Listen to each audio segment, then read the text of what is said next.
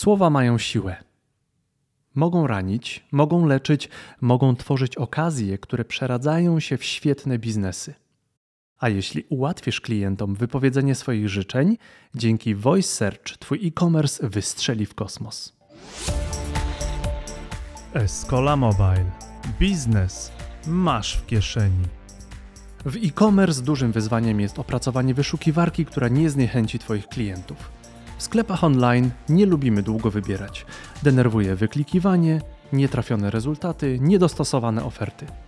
A jeśli dodamy do tego wyszukiwarkę w aplikacji mobilnej, sprawa komplikuje się jeszcze bardziej. A mobile to jest ogromna część e-commerce. Pamiętasz scenę, gdy w łowcy androidów Harrison Ford wydawał polecenia komputerowi? Tu zaznacz, powiększ, wyostrz obraz, drukuj. Wizję Ridleya Scotta można wykorzystać w sklepie internetowym. Zamiast klikać w formularzu, powiedz czego szukasz. Co zrobić, aby użytkownik polubił wyszukiwarkę? Jak ta wyszukiwarka pomoże Ci zwiększyć sprzedaż? Michał Black ma doświadczenie, wiedzę, przykłady i nie zawaha się ich użyć. Jeśli chcesz stworzyć aplikację mobilną bądź webową, zajrzyj na naszą stronę escola.pl. Dzień dobry, dzień dobry, Escola Mobile Live. Bardzo mi miło. Dzisiaj moim e, gościem jest e, Michał, prezes Edrone. Właśnie mieliśmy długą dyskusję, czy Edrone, e-drone, no to dobra, to teraz możemy to dookreślić na wizji. Jak, jak, jak się chcesz przedstawić? Wiesz co, jak komu pasuje, byle nie iDrone, a poza tym każda wersja będzie dobra. To przy okazji użyjemy tej e, okazji naszych zasięgów. Nie mówicie Apple, tylko Apple. Ok, bo już jakby tego zdzierżyć nie mogę. Dokładnie. Będziemy dzisiaj rozmawiać o tym, jak działają technologie głosowe. E, Michała firma naprawdę, z tego co się zorientowałem, jest jednym z liderów rynkowych, jak nie liderem w Polsce tych technologii, więc okazja do rozmowy jest naprawdę świetna. A rynek w Polsce ma jeszcze przed sobą długą przyszłość. Jesteśmy, wydaje mi się, na początku pasa startowego, żeby ten samolot rozmowy z, z telefonem komórkowym przede wszystkim jakoś. Jesteśmy w Escola Mobile, a być może nie tylko, być może z innymi asystentami głosowymi jest dopiero na początku. I to będzie naszym tematem rozmowy, jak to faktycznie komercjalizować, jak to użyć i jak sprawić, żeby konwersja w e-commerce, w zakupach była po prostu wyższa. No to zacznijmy od tego. Od czego zaczęliście koncepcję e-drone? e-drone, od czego zaczęliście, od czego się zaczęła ta przygoda? Mhm. Wiesz, no my zaczęliśmy już e, parę lat temu tak naprawdę, jako taka firma, która wspiera w ogóle e-commerce, automatyzację w e-commerce. Czyli wcześniej prowadzili agencję taką digitalową, robiliśmy jakieś stronki, sklepy internetowe i tak dalej. Więc zawsze byliśmy blisko tego e-commerce'u i bardzo blisko byliśmy też takich, e, takiego segmentu SMI, nie? czyli takich małych, średnich klientów, którzy już są bardzo doświadczeni w swoim biznesie. To są tacy bohaterowie, którzy walczą na wszystkich frontach jednocześnie, pozyskują klientów, stawiają swoje sklepy i tak dalej, mając często niewielkie zespoły, ale często bardzo szybko, fajnie rosnąc. Nie? I mm, bardzo dobrze zrozumieliśmy ten segment, jego potrzeby, to, że oni chcą korzystać z narzędzi takich e, do tworzenia fajnej technologii w online, w e-commerce ale nie bardzo na rynku są takie narzędzia, które byłyby skrojone dla nich. Są świetne platformy, na przykład sklepowe, ale już poza tym e, są raczej takie rozwiązania enterprise'owe, które e, są bardzo trudne do wdrożenia w takich małych i średnich przedsiębiorstwach. No i to był jakby sam początek, wiesz, 2016 rok zaczęliśmy sprzedawać, e, sprzedawać nasz produkt. No a z czasem jakby z tego produktu powiedzmy rozrastają się takie mm, projekty R&D, nie? czyli My jako firma właściwie od początku e, mieliśmy dosyć takie spore ratio w stronę e, engineering. Zawsze jakby ta, e, to zatrudnienie R&D, product, engineering było u nas spore w stosunku jakby do całego zespołu. Mhm. Spróbujmy jeszcze określić pole, w jakim się obracamy, to znaczy, bo używamy tutaj takich, takich, takich określeń właśnie voice, mamy różnych asystentów, tak. Z tego co ja wiem, Apple nie wspiera języka polskiego w zakresie Siri, chociaż bardzo dobrze tłumaczy text to speech. Paradoks.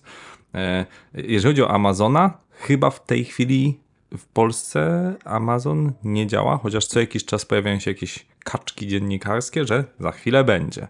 E, Najszybciej tutaj rozwija się technologia od Google'a Asystenta i ciągle słyszę mojego tatę, też informatyka, który mówi: OK, Google, coś tam zawieź mnie tam, powiedz mi, o której jest otwarta restauracja, i to faktycznie działa całkiem nieźle.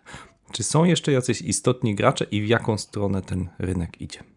Ja myślę, że to by trzeba było rozróżnić trochę e, voice w postaci tych takich e, urządzeń, które są w domu, które nam służą między innymi do tego, żeby zapalić światło albo do tego, żeby można było coś zrobić, kiedy nasze ręce są brudne e, od mąki, na przykład wyrabiamy ciasto i po prostu, wiesz, nie możemy, e, nie możemy dotknąć pilota w naszym telewizorze, na przykład, chcielibyśmy coś zmienić, to rzeczywiście to są takie, mm, takie urządzenia smart home, nie? rozszerzony smart home, e, e, voice'owe zarządzanie, czy to domem, czy, czy jakimiś innymi urządzeniami. Mm, Ale z drugiej strony jest coś, co jest bardziej personalne, co dotyczy to, to, co mamy w kieszeni, czyli nasze telefony. I no my się koncentrujemy na tej właśnie drugiej części, tak? czyli na przeglądaniu, wyszukiwaniu produktów w internecie za pomocą głosu. E, No i tutaj rzeczywiście też e, no jest, jest, dwóch graczy, tak? czyli jest, jest Apple i jest e, Google, czyli iOS i Android. I właściwie my się jakby w tych dwóch obszarach poruszamy.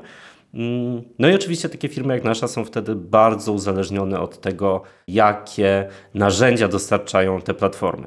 Tak? No bo to jest jakby takie, możemy przejść, jakby z czego jakby składa się ta technologia głosowa.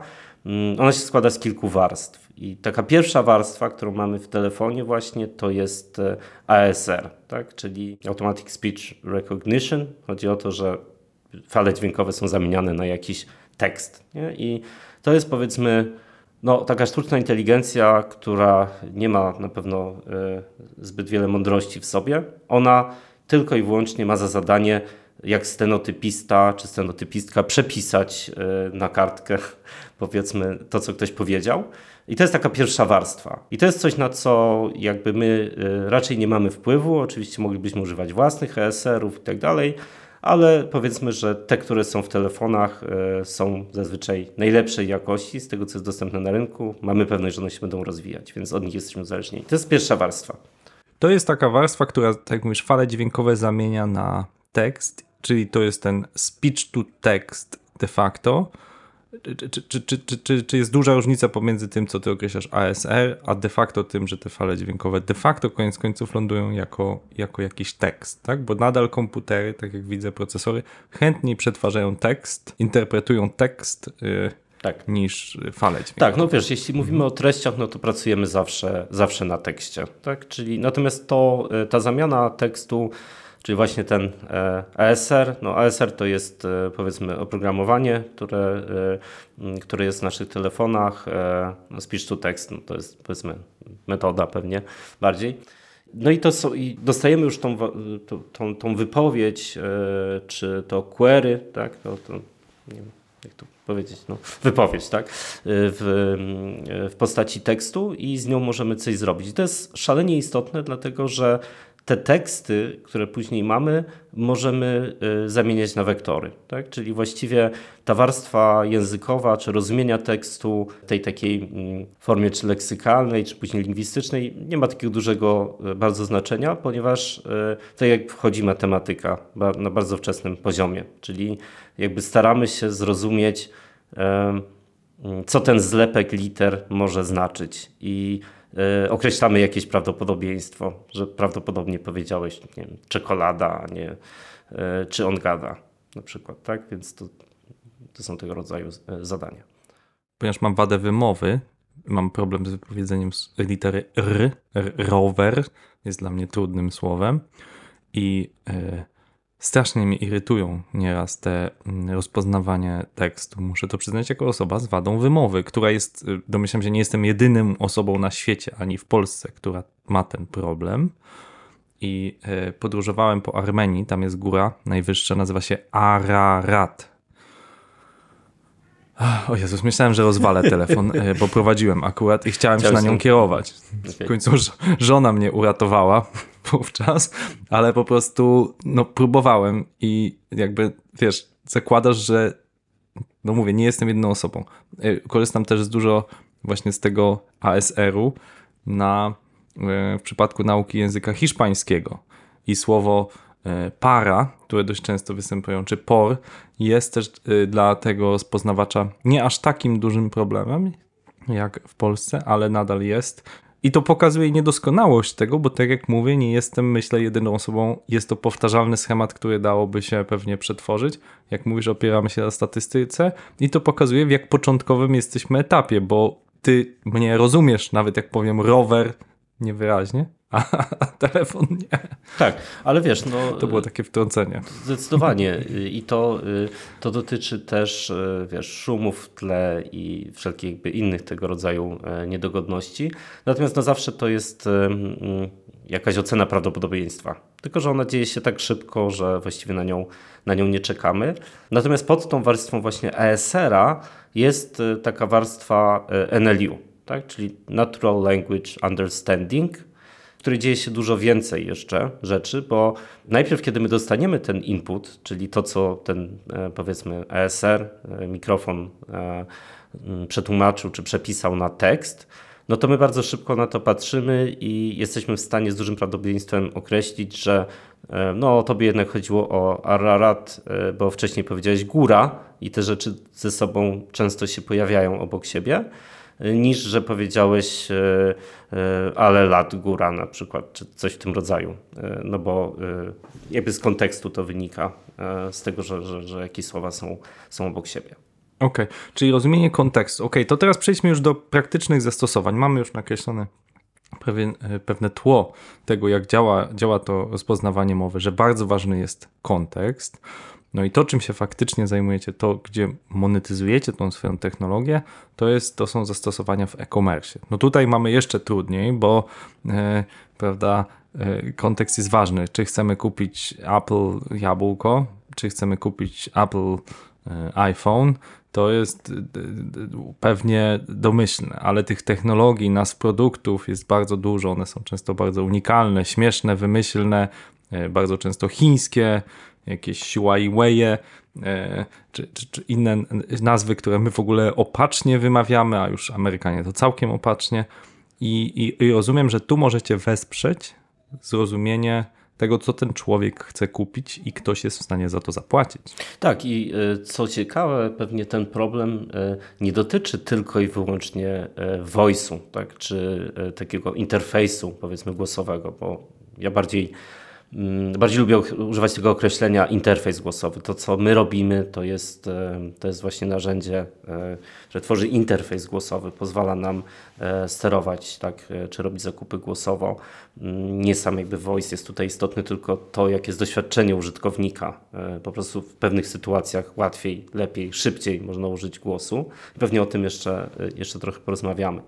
Natomiast to, co powiedziałeś o tych, o tych trudnych słowach, to, y, to, ja, to ja nie wiem, może cię zaskoczę, może nie, ale również na prostych słowach się y, przewracamy y, i już jakby pomijając w ogóle tą warstwę głosową, to znaczy chodzi o mm, dwie rzeczy. O to, jak produkty się nazywają w sklepie i jeszcze jakie, jak one są otagowane, tak? czyli jak działają w ogóle wyszukiwarki, bo po pierwsze, e, są bardzo popularne takie sytuacje, że powiedzmy w największym czy jednym z największych sklepów internetowych e, możesz wpisać taką frazę jak dzień mamy, możesz też wpisać taką frazę jak dzień matki i na te dwie frazy dostajesz inne wyniki.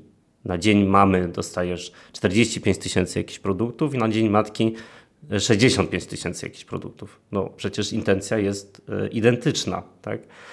Natomiast no, część produktów była otagowana tak, część tak. Nie zawsze y, ktoś zadbał o to, żeby, żeby, żeby opisać synonimy na przykład, y, tak, czy wprowadzić w ogóle synonimy do swojej wyszukiwarki. Więc to jest jakby ta jedna warstwa, a druga y, jakby związana czy jeszcze z samymi nazwami produktów. To znaczy e, my się z tym często spotykamy, że w jakimś sklepie grocery, e, też jakby dużym, tak, jednym, jednym z większych e, grocery online,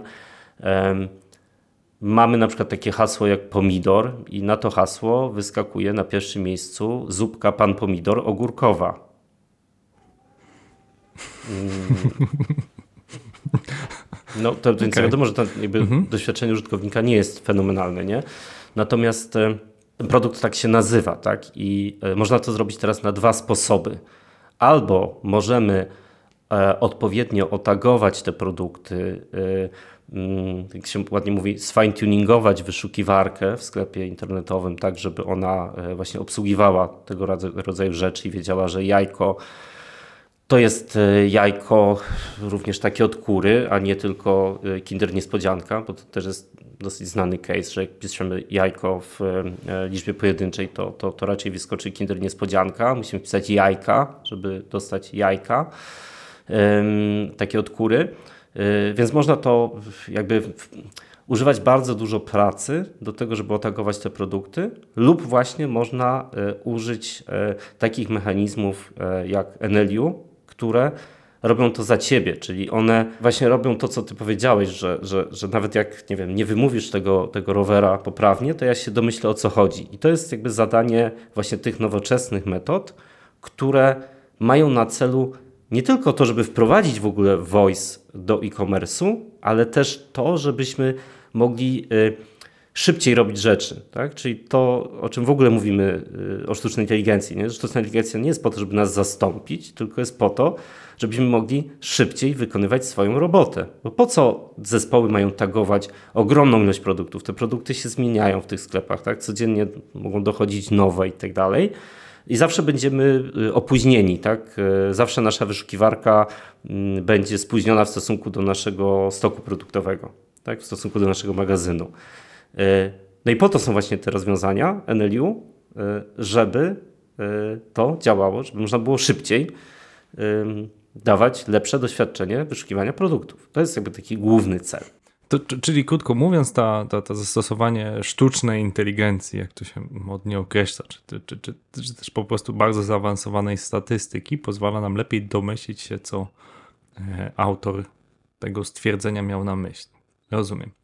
To teraz zdanie komentarza i pytanie. Zdanie komentarza jest takie, że Voice tym różni się od Google'a, że w Google jak powiemy pomidor i wyświetla nam się cała strona wyników i w tym pojawi się nawet obrazek pana pomidora, to my bardzo szybko ominiemy te niepotrzebne wyniki i całą stronę omiatamy wzrokiem te 10 wyników, wiemy dobrze, że te 2-3 są dla nas istotne.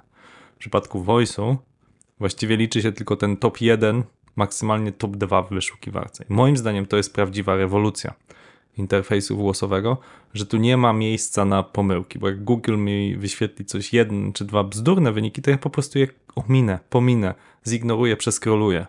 W przypadku voice'u, jak mi zacznie mówić bzdury, albo nie to, co ja chcę, to ja już nie chcę tego, tego voice'u, nie chcę tej odpowiedzi, nie chcę tego zakupu. I teraz porozmawiajmy o, o, o praktycznych zastosowaniach czyli o, o, o tym zwiększaniu konwersji. Nie wiem, może pogadajmy na przykładzie butów, bo to jest coś, co te, te, buty wchodzisz do sklepu i widzisz tam jedne są czerwone, żółte, taka podeszwa, uwaka, natomiast w przypadku głosu tam jest bardzo trudno sobie to zwizualizować, tak? Szpilka krótsza, dłuższa, 10 cm, 7 tak. Jak tutaj jesteś w stanie mi pomóc głosowo wybrać odpowiednie buty dla mnie? No właśnie i y, to jest tak, że te wyszukiwania nie mogą być czysto głosowe.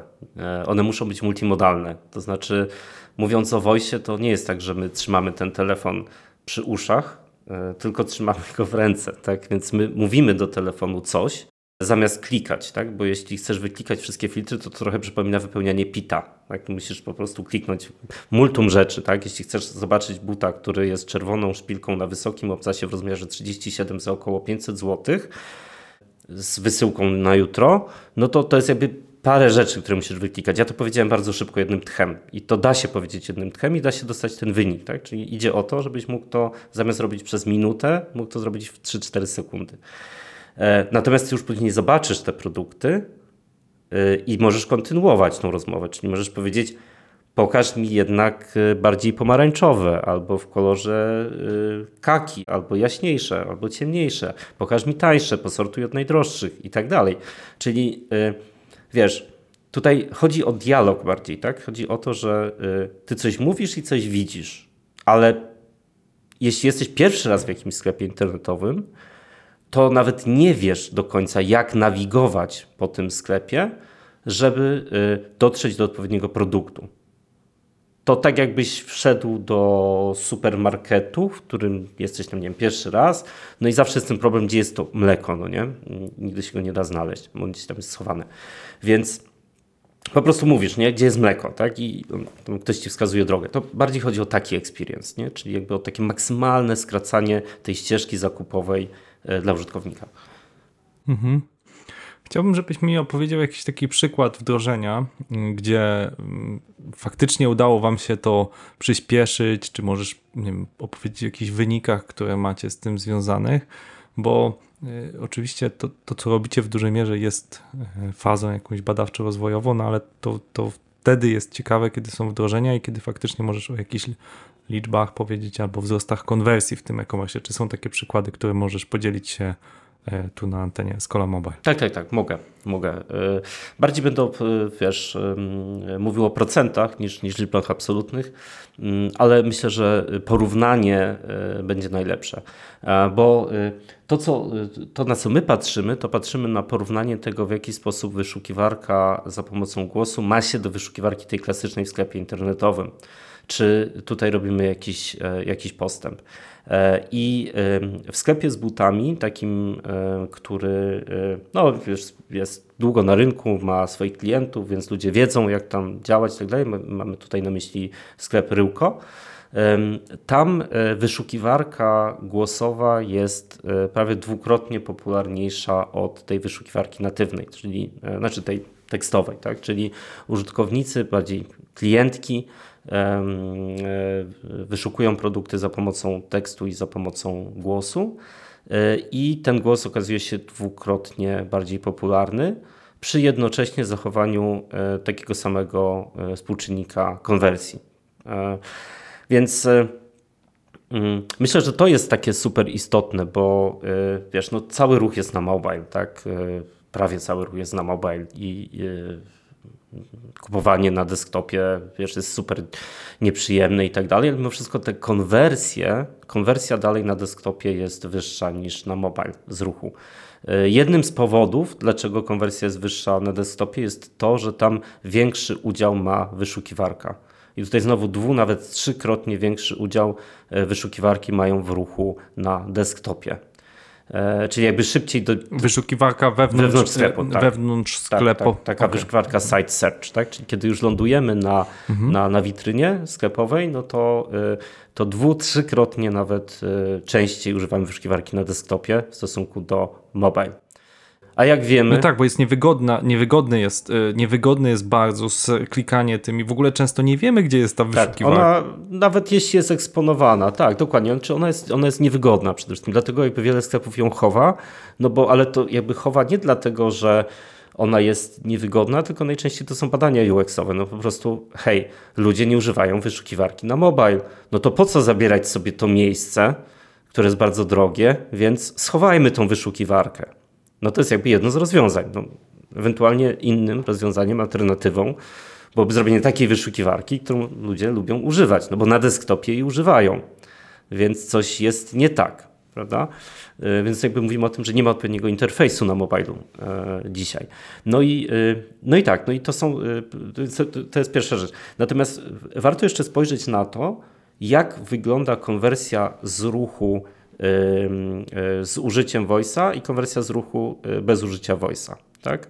To znaczy, jak popatrzymy na ruch, tak, no to ta konwersja y, ruchu z użyciem wyszukiwarki, sesji z użyciem wyszukiwarki jest pięcio, nawet siedmiokrotnie wyższa. Tak? Mamy taki case właśnie w sklepie z butami, gdzie to jest pięciokrotnie wyższa konwersja, jeśli użytkownik użyje wyszukiwarki. W sklepach z perfumami, na przykład z kosmetykami, to e, oscyluje wokół 7 razy lepsza konwersja w przypadku e, użycia w ogóle wyszukiwarki. Więc my staramy się ten problem tak rozwiązać, jakby co zrobić, żeby nasi klienci, użytkownicy sklepów internetowych mogli, mogli używać wyszukiwarki, żeby robili to komfortowo, tak? żeby mogli znaleźć produkty w najprostszy, najszybszy możliwy sposób. Tak, temat wyszukiwania w mobile, no to tutaj na Escola Mobile był szeroko dyskutowany i pierwszym takim case'em, zresztą jedyna osoba, która pojawiła się w Escola Mobile dwukrotnie, Basia Rogala z CCC, no to właśnie opowiadała tą drogę, że właśnie tak dla nich hitem było stinderyzowanie aplikacji, właśnie lewo, prawo, y, szukanie tych preferencji użytkownika i potem opowiadała w, w, kolejnym, dużo późniejszym odcinku, jak wielkie y, to przyniosło potem profity. Tak, Więc, że po prostu ludzie nie chcą wyszukiwać.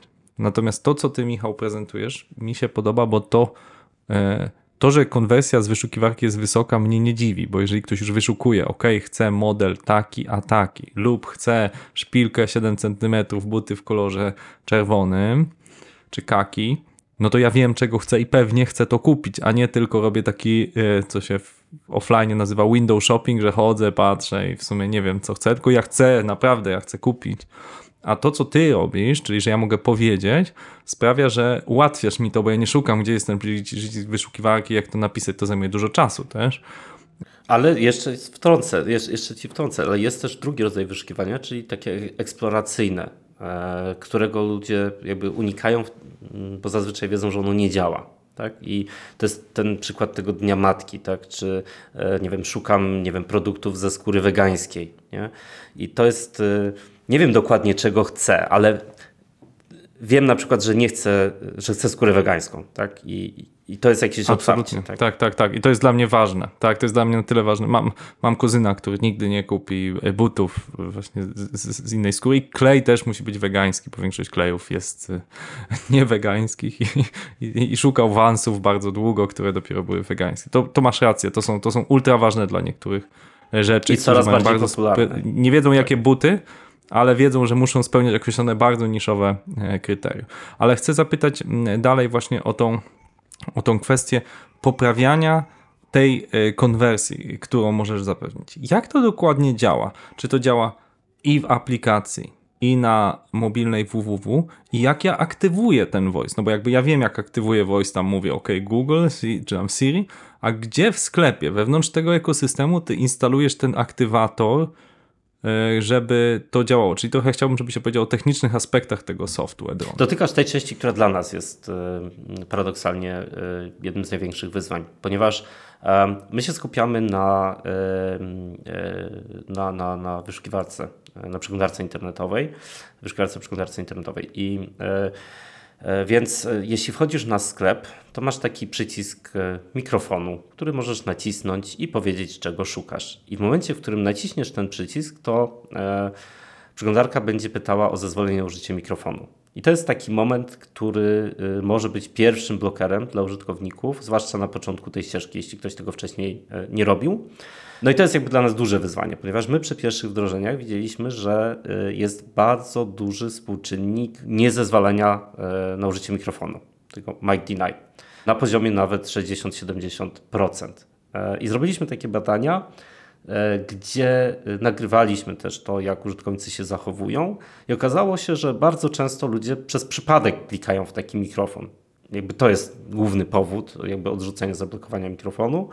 Więc rozwiązujemy to w taki sposób, że po kliknięciu mikrofonu jest taki dodatkowa nakładka, taki overlay, gdzie jakby jest informacja, hej, możesz poszukać teraz produktów głosowo, chcesz czy nie. I generalnie tak, jeśli chcę, no to wtedy y, wyskakuje ten dialog przeglądarkowy, tak, czyli tam u góry, tak, zezwalaj, tak, albo nie zezwalaj, no i, y, i wtedy już użytkownik może, może używać mikrofonu.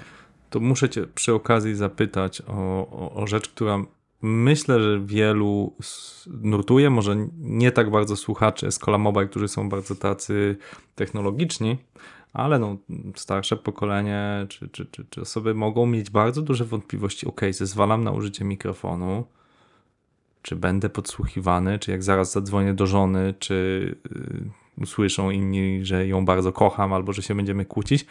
Jakbyś mógł tutaj e, opowiedzieć, jakby faktycznie w jakim momencie y, słuchasz, tak? W jakim momencie tam ten, te boty AI-owe słuchają, kiedy przestają słuchać i czy to jest bezpieczne, czy to gdzieś jest zapisywane, potem przetwarzane. Tak, wiesz, no y, w, w porównaniu do aplikacji y, to ta ścieżka przez e, przeglądarkę internetową jest na pewno bezpieczniejsza, ponieważ e, aplikacja może być ustawiona w taki sposób, że ona może cię nasłuchiwać. Nie wiem, była taka popularna, popularny serwis Clubhouse na przykład, który wiesz, bardzo łatwo tam kliknąłeś przez przypadek i od razu byłeś gdzieś, tak, y, w jakimś pokoju y, i, i czegoś słuchałeś, albo ktoś cię mógł słuchać, nawet jeśli miałeś wygaszony ekran telefonu.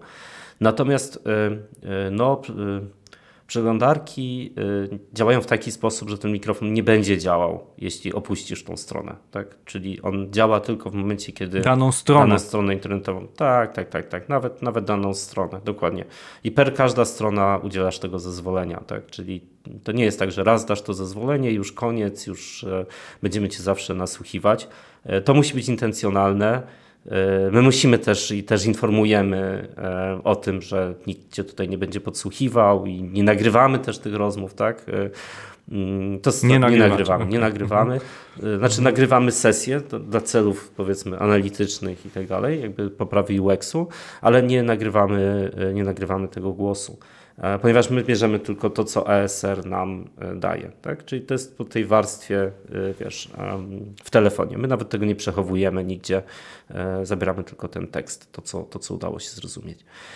To jest szalenie istotne i tutaj staramy się odzorowywać ten UX, który znamy z WhatsAppa albo z Messengera, tak? czyli co trzeba zrobić, żeby nagrywać, co trzeba zrobić, żeby tak, żeby, y, żeby rozmawiać i tak dalej, nie? Czy jakby trzymasz mikrofon, czy tylko go naciskasz i potem naciskasz jeszcze raz, żeby przestać yy, yy, nagrywać. No i ten mikrofon też sam się wyłącza, tak? Czyli jak ty coś mówisz i nam się wydaje, że ty już skończyłeś mówić, no to przestajemy cię słuchać. Mhm. A mówisz, że w aplikacji jest e, łatwiej, tak? W aplikacji faktycznie wyrażamy zgodę na cały czas, jak trwa ta aplikacja, tak? Gdzieś. E, Możemy wiem, to wybrać, tak. Możemy wybrać, czy zgadzamy się na to, że podczas używania aplikacji, czy zawsze i tak dalej. Natomiast w przypadku przeglądarki nie masz takiej możliwości. Po prostu wyrażasz zgodę na mikrofon lub nie. I jak zamkniesz tą kartę, to już w ogóle nie ma szans, żebyśmy cię nasłuchiwali. Ale my też jakby ze względów UX-owych i tak nie, nie słuchamy cię cały czas, bo to byłoby bez sensu. No to, to, to, wiele się zmieniło w kwestii ochrony prywatności. Czytałem w historii Amazona, że oni, żeby w ogóle nauczyć, wytrenować Alexę w pierwszym momencie, chowali w tych pokojach na krótkie okresy, co się wynajmuje pełno tych Alex i podsłuchiwali dosłownie wszystko i tak uczyli i w ogóle ludzi o tym nie informowali. To było oczywiście 15 lat temu, ale tak, faktycznie y, ten voice początkowo się uczył od ludzi, którzy wynajmowali na krótkie okresy y, pokoje. Tu mamy komentarz i skorzystam z tej y, okazji żebyś powiedział dwa słowa e, dla tych osób, które mają różne dysfunkcje wzroku, bo to wydaje mi się rewolucja. Mikołaja znam od bardzo wielu lat i pomógł mi tworzyć wiele aplikacji, weryfikując je, czy one są dostępne dla osób niewidomych, dla których takie technologie właśnie voice'owe to jest, to jest prawdziwa wygoda. Ja widziałem, jak Mikołaj porusza się za pomocą Google Maps E, jak świetnie korzysta z mediów społecznościowych. Pilnuje mnie, że jak wrzucam posty, to żebym nie korzystał z tego jakichś formatowań. E, bardzo wiele Mikołajowi zawdzięczam. Czy mógłbyś tutaj parę słów powiedzieć, e, czy, czy, czy też takie badania prowadzicie, czy analizujecie, jak osoby z dysfunkcjami wzroku korzystają z technologii mhm. voice? Wiesz, no, ja mam bardzo dużą nadzieję, że, że to są takie zastosowania, mm, które jakby ludzie też odkryją, tak? To znaczy, My de facto pracujemy nad tym, żeby nasza technologia mogła jak najlepiej zrozumieć nasz, po pierwsze naszą wypowiedź, a potem, a potem intencje. Skupiamy się na y, e-commerce, natomiast nic nie stoi na przeszkodzie, żeby jakby rozszerzać te funkcje, tak, również o, y, mm, o accessibility. Wydaje mi się, że to musiałoby być oczywiście połączone jakby z całym, z całym sajtem, tak, no bo y, potem jest jakaś ścieżka. No tak, tak teksty alternatywne muszą być na przykład, że okej, okay, ja, ja, ja, pytam jakie buty, ale ten nie widzę, tak, nie jestem w stanie zobaczyć obrazka butów, ale on mi mówi, te buty tak. są takie. Więc my, więc my używamy promptów, tak, my, my w tym momencie jeszcze nie, e, nie wprowadziliśmy czegoś takiego, żeby telefon mówił, używamy promptów, tak, czyli na przykład jeśli coś powiesz, to my podpowiadamy, to może, nie wiem, e, podaj zakres ceny albo coś innego jeszcze, jeśli tych wyników wyszukiwania jest za dużo. Więc y, to mogłoby też y, po prostu mówić, tak? I, i w ten sposób mógłbyś, mógłbyś prowadzić dalej to wyszukiwanie, czyli mógłbyś rzeczywiście powiedzieć, że szukasz tych szpilek, powiedzmy, czerwonych. e, i czy tam, nie wiem, jakiegoś, jakiejś wiertarki. No i wiesz, ktoś mógłby, tak, że ten telefon mógłby ci podpowiedzieć, hej, no to podaj moc albo do czego będziesz jej używał, tak, co będziesz chciał wkręcać na przykład, tak, więc, więc tak, jakby to jest jak najbardziej e, takie zastosowanie, mam nadzieję, że będą, będą również w użyciu. Mhm. No to jest, to jest to, to, co mówisz właśnie, do czego będziesz jej używał, to jest, to jest coś niesamowitego, bo faktycznie bardzo wiele razy, jeśli kupujemy jakąś rzecz, niech to będzie ta wiertarka, to ważniejszym pytaniem, nie wiemy jaką ma mieć moc, nie wiemy jak, ile ma mieć obrotów, ale do czego będziesz jej używał, czy będziesz często korzystał, czy jesteś profesjonalistą, czy jesteś amatorem, to, to te rzeczy dużo bardziej nas naprowadzą, ale uwaga, producenci tego zupełnie nie dostarczają. Producenci dostarczą ci ilość obrotów, moc i jakieś tam inne parametry śrub. I to ty musisz albo wykonać tą pracę, e, albo jakaś tam sztuczna inteligencja. I to, tak jak mówisz, tych produktów są tysiące, jak nie miliony w świecie. I tutaj też muszę ci zadać e, takie pytanie o, o, o dirty secret tego, tego AI czy, czy NL-u. Jakby w jakim procencie to nadal jest praca mm, tego przysłowiowego studenta, który uczy, robi te metatagi, tłumaczy tej sztucznej inteligencji, że to jest do tego, to jest do tego, a w jakim sensie przerabianie tych dużych y, baz danych? Tak, Nie, to tak, jakby modele, modele, których używamy są e, w 100% takimi e, dużymi modelami opartymi o sieci neuronowe. E, My w ogóle zaczęliśmy od open source'owych modeli OpenAI, czyli mniej więcej tych samych, na których później e, powstał e, GPT-3 czy ChatGPT, tak, który jest super dzisiaj popularny i e, dla nas to też jest w ogóle bardzo fajny znak i, i, bardzo się ucieszyliśmy, kiedy to UFO w postaci czata GPT wylądowało, bo e, to była taka duża niewiadoma, czy my na pewno wiesz, mm, bierzemy udział w jakiejś rewolucji, czy też e, nam się tylko wydaje, że, że robimy coś, co się e, spopularyzuje w najbliższych miesiącach czy latach. No i jakby to, że pojawiają się takie, y, mm, takie narzędzia generative AI, jak nie wiem, Stable Diffusion, jak e, Jasper, który, który pozwala ci tworzyć content, czy, czy właśnie ChatGPT, z którym możesz rozmawiać, to to jest cały taki, y, wiesz, trend, w którym my bierzemy udział. Y, I tutaj rolą tak, tej sztucznej inteligencji często jest tworzenie też jakiegoś kontentu, ponieważ kiedy my na przykład chcemy znaleźć jakiś produkt, ale nie mamy tych wszystkich informacji o tym produkcie, ale być może te informacje są na zdjęciu produktu i moglibyśmy przeszukać to zdjęcie, to okazuje się, że dla nas wygodniejszym modelem jest użycie takiej właśnie generative AI. Czyli wyobraź sobie, że ty mówisz, czego szukasz, My y, w tle tworzymy obrazek, który opisuje to, czego ty szukasz, a następnie szukamy najbardziej podobnych obrazków do tego wygenerowanego w sklepie. Bo tak jest łatwiej.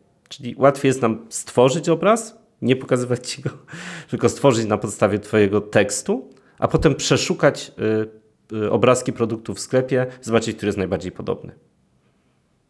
Bo łatwiej jest wygenerować e, szpilkę wiesz, na obcasie 6 cm i potem poszukać, czy jest gdzieś jakieś zdjęcie, które wygląda podobnie. Okej, czyli tu mamy połączenie tego, tego słynnego DALI, Tak. tak, te Mhm. dwa, czyli generowania obrazów. I to, to pełna zgoda, e, że faktycznie wydaje się, że, że akurat w tej kategorii, w której wy pracujecie, no to sieci neuronowe e, to, to, to, to jest przyszłość, tak? To, to, to, to, jest, to jest to, co faktycznie wydaje się, że jest najwłaściwszym kierunkiem. Mm, No bo to przypomina de facto, jak działa nasz mózg. Znaczy, dla, dla osób, które tak jakoś nie siedzą w AI, to, to faktycznie jest bardzo prosto sobie to zwizualizować. Nasz mózg działa tak, że jeżeli często używamy jakichś e, części mózgu do myślenia, nam no to tam synaps te neurony są dodatkowy, tak, z tego neuronu. tak, Mhm. te synapsy są najmocniejsze, a nawet jak pokazują badania, to nie chodzi o silność synaps, tylko tych powłok, nie, które, które je spowijają, które wzmacniają ten sygnał. I de facto dokładnie tak samo działa e, sztuczna inteligencja w tym wypadku, tak zwana, że jeśli statystycznie częściej ten obraz kota jest kotem, to, to prawdopodobnie to jest, to jest słuszne. To jest czysta statystyka. Oczywiście My jako ludzie potrzebujemy mniej obrazów, bo jesteśmy jednak, nasz mózg jest naprawdę genialnym rozwiązaniem, no ale komputery za to mają tą przewagę, tę przewagę nad nami, że no mają ten, taką brutalną, potężną ilość operacji, którą mogą wykonać. I to widać, że w kontekście rozwoju tych kilkunastu lat praktycznych zastosowań sztucznej inteligencji, po prostu one się uczyły i uczyły, e, pochłaniając i to, i to widać, kto wygrywa w tym rejsie, tak? Microsoft, Google, Amazon, wszyscy ci, którzy mają wielką chmurę, wielki dostęp do danych, na pewno najdalej jest Google w tym momencie e, i dlatego, że ma po prostu najwięcej danych i może się w ten sposób nauczyć i generować i, i odtwarzać, bo najwięcej ma danych wsadowych ostatnio przegrywa w tym wyścigu. E, Lambda Google'a e, no nie działa tak dobrze jak, wiesz, jak produkty z OpenAI, tak? Czyli pojawił się jakby stosunkowo nowy gracz na rynku, wiesz, 10 lat e, w stosunku wiesz, do Google'a, to jest całkiem niewiele, który ostatnio wypuścił produkt, czyli chat GPT, który zyskał milion użytkowników w 5 dni. Tak? Więc e, tego się nie udało nigdy nikomu wcześniej. E, ani Instagramowi, ani, e, ani, ani żadnej innej aplikacji. Nie? A wydawałoby się taki niszowy produkt, jak wiesz, czat, który jeszcze nie ma takiego nawet komercjalnego modelu jeszcze, nie? Komercyjnego modelu, tak? Tam nie ma jeszcze, nie było jeszcze cennika. Tak, już, już jest, tak? Już jest, ale w momencie, kiedy się pojawił, wiesz, to prostu projekt badawczy, nie? Jakby który projekt badawczy pozyskał, e, wiesz, milion użytkowników e, w 5 dni. Na pewno zrobimy osobny odcinek o ChatGPT. Nie, nie chcę tego wątku ciągnąć, natomiast jakby nadmienię, że to, na czym uczy się ChatGPT, to nadal są dane indeksowane przez Google'a e, i to jakby dalej jest brutalna moc obliczeniowa komputerów, które po prostu je naindeksowały i, i jeszcze osobnym wątkiem jest jakby na ile to E, jak, jaka będzie przyszłość tego, tak? Bo te dane wszystkie są dostępne, nieoznaczone i na razie to my dostajemy jakiś taki mglisty obraz tych danych, tak? Natomiast jeszcze przed nami jest wiele wątków, o tym profesor Aleksandra Przegalińska dużo mówi i polecam sobie właśnie wygooglować. Jej ma kurs ostatnio promowałem, który zrobiła. Ok, chciałbym teraz, żebyśmy trochę operacyjnie, e, Michał, porozmawiali. E, jak faktycznie wdrażać ten voice, tak? Znaczy mam aplikację, e, aplikacja ma fajne zasięgi, nie wiem, sprzedaje perfumy na dużą skalę, wiem, sklep ma 100 milionów obrotu, już osiągnąłem prawdopodobnie limit w tym, ile mogę osiągnąć przez SEM, przez SEO, przez e, Facebook Ads, przez Google Ads, no jakby gdzieś jest ten sufit na danych rynkach i szukam kolejnych rozwiązań, które mi przyspieszą. To może być video shopping, to może być właśnie wyszukiwanie głosowe. No i przychodzę do, do ciebie, Michał. Chciałbym coś takiego faktycznie wdrożyć. Co się, co się między nami wydarzy? Mhm, tak, no to. Yy o dziwo jest to bardzo proste. Jest to prawie tak proste jak e, chat GPT, o którym nie chcemy dzisiaj rozmawiać więcej.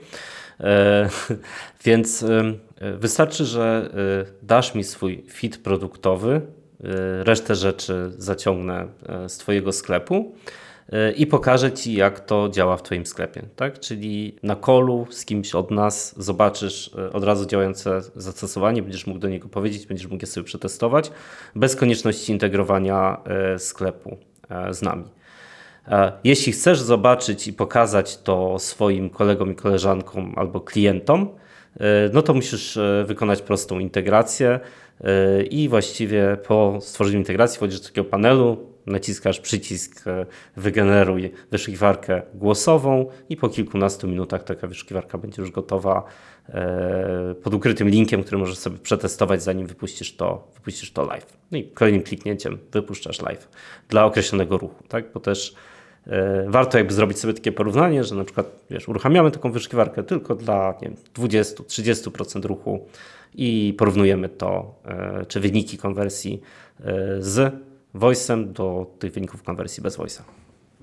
Tak, tak, tak zwane AB testy w tej chwili to tak, też warto no, dla AB testy, ale, stale słuchają. Tak, ale nawet jeszcze przed AB mhm. testami, żeby w ogóle zobaczyć, może pozbierać opinie yy, mhm. od wiesz, wewnętrznych mhm. zespołów, od jakichś tam najlepszych klientów, tak, może komuś to wysłać i tak dalej, tak, zanim, zanim jakby zdecydujesz się nacisnąć ten przycisk jeszcze raz, yy, wiesz, wrzuć dla wszystkich. No tak, czyli, czyli mamy trzy okresy, trzy etapy, czyli najpierw właśnie pod tym linkiem wygenerowany mamy jakieś takie demo, gdzie widzimy jak to działa, potem możemy zrobić AB testy dla tych, co nas e, słuchają. Escola Mobile stale wiedzą, że już w tej chwili można wypuszczać aplikacje z, automatycznie z AB testami, czyli dla 10, 20, 50% użytkowników wdrażamy to rozwiązanie, a pozostali tego w ogóle nawet nie widzą w update'ach, więc testujemy, tak jak mówisz, porównujemy konwersję. Jeśli mam 100 milionów obrotu na perfumach, to prawdopodobnie mam już dużo ruchu i jestem w stanie te AB testy coś nam dadzą, bo jeżeli mam e, wiesz, e, 500 tysięcy złotych obrotu e, na karmach dla psów, to może być jeszcze niewystarczająca liczba danych. E, Okej, ale to wszystko brzmi tak magicznie faktycznie jak e, chat GPT, więc trochę odpowiedz, co się dzieje pod maską, co, co wy robicie. Jesteście taką firmą, która sporo robi R&D, to jakbyś chociaż trochę rąbka tajemnicy uchylił, co, co wy robicie, żeby ten, ten model zadziałał. Mhm. Tak, no to y, my po pierwsze y, bazujemy na takich dużych modelach językowych, co się nazywa Large Language Models i to są takie modele przetrenowane wcześniej, y, chociażby przez, przez OpenAI. My musimy bazować na tych modelach, ponieważ wytrenowanie tych modeli jest szalenie drogie. To są dziesiątki milionów dolarów, nawet setki milionów dolarów, aby takie modele, y, aby takie modele e, wytrenować, tak? czyli właśnie te sieci neuronowe. Następnie My te modele dostosowujemy do e-commerce'u, czyli wycinamy z nich powiedzmy to, co może być zainteresowane, e, e- to, co może być zastosowane w e-commerce.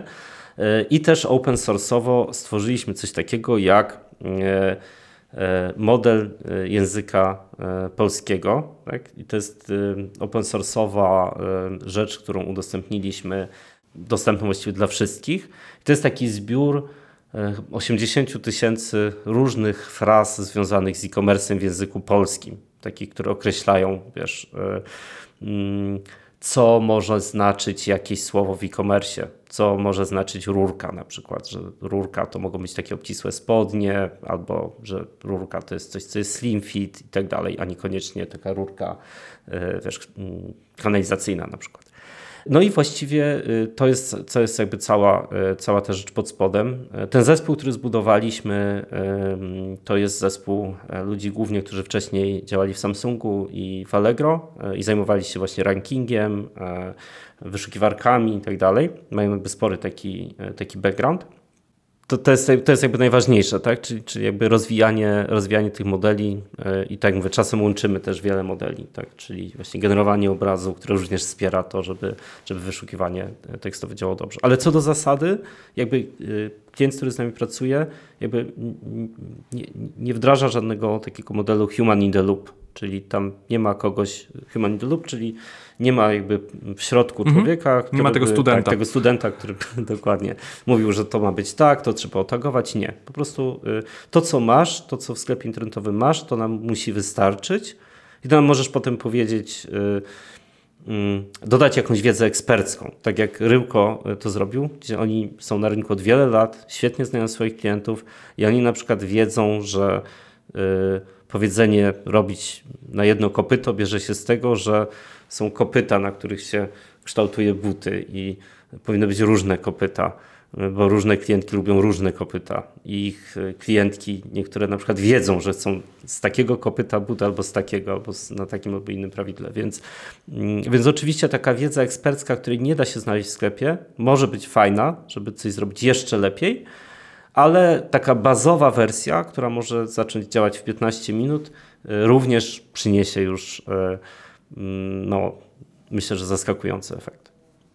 No to, to, to co ty mówisz, to w, w, w uczeniu maszynowym, w AI nazywamy oczyszczaniem danych, tak? Czy, czy, czy optymalizowaniem. To znaczy, bo mało osób wie, tak trochę nam ta, ta dyskusja wchodzi w kierunku tego, jak to, co jest pod maską tego AI, że właśnie to, co powiedziałeś, jest ważna ta wiedza ekspercka, żeby zasugerować tej sztucznej inteligencji, która po prostu stosuje jakąś brutalną siłę i widząc e, słowo spodnie, widzi określoną miliony, miliony wyników, żeby zasugerować, które są te optymalne i które, co właśnie klient miał na myśli w kontekście choćby e-commerce, w kontekście danej marki, w kontekście języka polskiego. Więc to, co robicie, e, to jest potężna praca i obliczeniowa, ale też ekspercka. Jak powiedzieć, systemy eksperckie też są jak najbardziej elementem, który jest bardzo ważny. I chciałbym, żebyś też dwa słowa powiedział, ile to kosztuje, tak? To są, to jest kilkudziesięciu data scientistów, y, oczyszczaczy danych, optymalizatorów, ekspertów. e, którzy nad tym nieustannie pracują, żeby te słowniki optymalizować, żeby te konteksty dodawać, żeby e, pobierać te dane, żeby te dane potem przepuszczać przez różne, bo domyślam się, że bierzecie jakiś open source'owy model, a potem go jednak doskonalicie. Tak, no bo. E, Więc to kosztuje, tak, a, a, konkurujesz z naprawdę dużymi, dużymi graczami. Jak to zrobić w Polsce? Tak, oczywiście. To, wiesz, to, to, to jest bardzo dużo właśnie takiej pracy dostosowywania e, tych modeli do e-commerce'u, ale też dostosowania chociażby do języka polskiego, ponieważ kiedy klientka szuka espadryli e, za około 300 zł, ale inna klientka szuka espadryli 38 zł, to w pierwszym wypadku chodzi o takie buty za około 300 zł, które są złote, a w tym drugim chodzi o rozmiar 38 e, w kolorze złotym, a w tamtym pierwszym chodziło o to, że za 300 zł. Tak? I, i to są jakby problemy, które my musimy, które musimy rozwiązywać. Jeśli chodzi o y, wdrożenie, to y, takie wdrożenie jest rozliczane na podstawie revenue share, tak? czyli w zależności od tego, jak dużo wygenerujemy y, sprzedaży z tej wyszukiwarki, to po prostu procent tej sprzedaży, mm, ten, tej sprzedaży wraca do nas i on jest uzależniony od marżowości tego, tego sklepu. Tak? Czyli zwyczajowo jest to 2 e, dolary za e, jeden sprzedany produkt za pomocą głosu. Y, I to jest właściwie wszystko, tak? Czyli mm, to jest taki model, w którym próg wejścia jest bardzo niski. Y, no i właściwie bardzo łatwo jest określić, czy, czy to jest opłacalne. Mhm. Czyli możecie dzięki temu voice'owi wygenerować nową sprzedaż. To jest tak. bardzo ważne. Tak, tak, tak. tak. Właśnie o to chodzi, tak? No bo wiesz, mhm. każda technologia, mhm. oczywiście ktoś może pomyśleć o tym, że chce wdrożyć taką technologię, bo chce być pionierski, bo chce się wyróżnić, tak, dać lepsze doświadczenie i to jest też ok, nie? W sensie, y, bo to jest takie strategiczne podejście. Niektóre marki tak się pozycjonują, mm, ale pewnie kiedy jesteś takim merchantem, który po prostu y, y, wiesz, buduje swój, biznes na ciągłym zwiększaniu konwersji, nie ma produktów własnych na przykład, tak, jest, y, jest bardziej handlowcem, takim merchantem online, no to wtedy pewnie zwraca uwagę tylko na, na tą konwersję. Ale model rozliczeń jest, jest jakby ten sam. Mhm. No tak, bo to, to trzeba patrzeć, tak, jeżeli jesteś, tak jak mówisz, merchantem, to jedna rzecz, ok, chcesz być nowoczesny, chcesz mieć voice, chcesz mieć NFT, chcesz mieć jakieś tam nie wiadomo co, ale koniec końców ktoś rozlicza cię z twardych liczb, czyli to ten voice, czy to NFT, czy to nowatorskie rozwiązanie przyniosło dolary, czy zwiększyło sprzedaż, czy jest tylko e, barierą, którą się zabawił dział e, marketingu. Ok, ostatnie pytanie dotyczy tego, jak ty widzisz przyszłość, bo jak patrzy, popatrzymy wstecz, to to, co się wydarzyło nawet przez ostatnie 5 lat, to jest pewna rewolucja. E, poruszyliśmy chat GPT, ja widzę jako wykładowca, ile studentów z tego korzysta, żeby przygotować pracę. Ba, wykładowcy korzystają z tego, żeby przygotowywać swoje wykłady. Jest to szalenie duże ułatwienie, więc trochę strach, e, ale i niesamowicie jest myśleć, co będzie za 3 lata, mhm. więc chętnie posłucham od eksperta, co będzie za 3 lata. Ja bym w ogóle y, chciał, żebyśmy przestali, w ogóle, żeby ludzie przestali używać takiego określenia jak sztuczna inteligencja i przerzucili się na określenie rozszerzona inteligencja. Żebyśmy myśleli o tym, że te wszystkie narzędzia są po to, żebyśmy e, mogli szybciej i wydajniej pracować, e, a niekoniecznie po to, żeby kogoś zastąpić. I ci studenci również mogliby po prostu poprawiać swoje wypracowania, mieć jakąś mm, super ideę i mieć super e, mm, wiesz, problem, który opisują, ale właściwie dlaczego nie mieliby skorzystać z tego, żeby, żeby jakiś model e, pomógł im na przykład w jakiejś składni albo wyłapał, że jakieś błędy logiczne na przykład w tekście. Dlaczego nie? Im powiedział, hej, tu masz błąd, nie? Zmień to, napisz to inaczej i tak dalej. E, więc raczej ja myślę o tej przyszłości e, inteligencji jako rozszerzonej inteligencji. Dokładnie na takiej samej zasadzie jak pismo. Tak? Kiedyś rozszerzeniem naszej inteligencji, tak dzisiaj e, algorytmy mogą być rozszerzeniem naszej inteligencji. I w samym voice myślę, że e, tutaj właśnie nie chodzi o samo sterowanie, tylko o to, żeby, żebyśmy mogli być zrozumieni, zrozumia, zrozumiani przez maszyny, e, żeby uniknąć tej frustracji, którą często mamy, kiedy nie możemy znaleźć jakiegoś produktu, kiedy, kiedy nie wiemy, że czułenka, to to samo co na przykład szpilki i tak dalej. I nie wiemy, że powinniśmy zapytać kalosze, tylko ktoś mówi gumiaki i nie może znaleźć tego, co chce i tak dalej. Więc, e, więc to jest to. E, I to, co mi się wydaje, że jest na pewno e, nieuniknione, będzie jakimś tam fajnym wyzwaniem w ciągu najbliższego roku, może dwóch, to jest to, jak ten generative AI, czyli treści, które tworzymy, obrazy, które tworzymy, czy które algorytmy tworzą, e, jak to zrobić, żeby one e, nie tworzyły takiego śmietnika online, tak? tylko e, były rzeczywiście wartościowym, wartościowym contentem.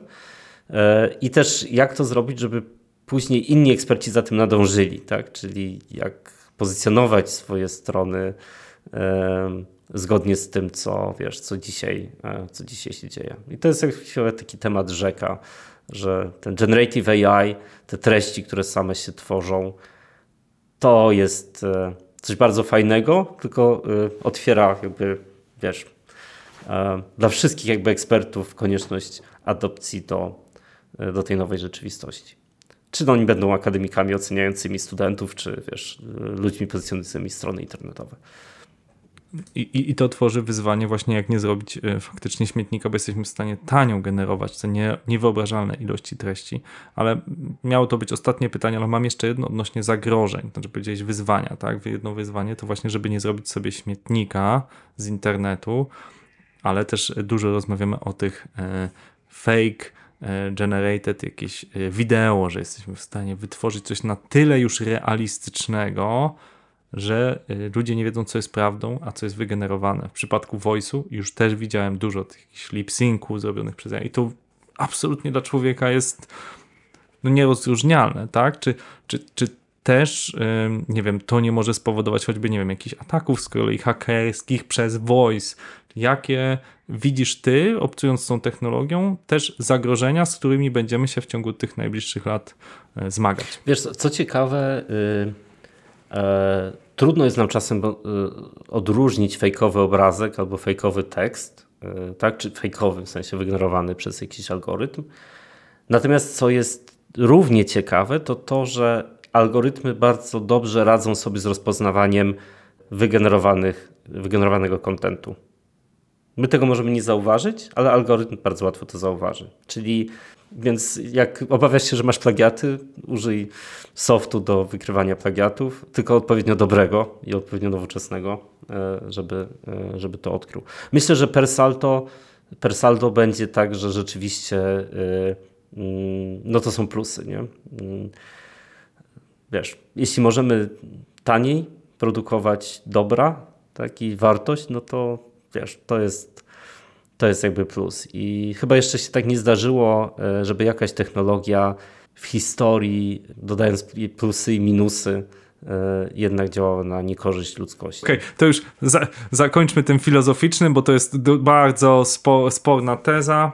Ale jestem optymistą, musiałem to powiedzieć. Uważam, że wiesz, będzie dobrze. Michał Black, optymista, z, prezes Edron, który robi niesamowite rzeczy, żeby rozwijać e, polską technologię voice dla e-commerce. E, podzielił się swoją wiedzą w Escola Mobile. Świetna rozmowa, bardzo Ci dziękuję. Dziękuję. Escola Mobile. Biznes masz w kieszeni. Dziękujemy za Twój czas. Jeżeli ten podcast zainspirował się, znalazłeś w nim wiedzę lub po prostu spodobał Ci się temat, podziel się linkiem do tego podcastu na LinkedInie i Facebooku. Oznacz Michała Blaka, Krzyśka Wojewodzica i napisz, co znalazłeś dla siebie w tej rozmowie. Escola dzieli się wiedzą. Dziękujemy, że jesteś z nami. To był 135 odcinek podcastu Escola Mobile. Naszym gościem był Michał Black, CEO i Drone. Rozmawialiśmy o wyszukiwaniu głosowym, multimodalności i konwersji. Do usłyszenia.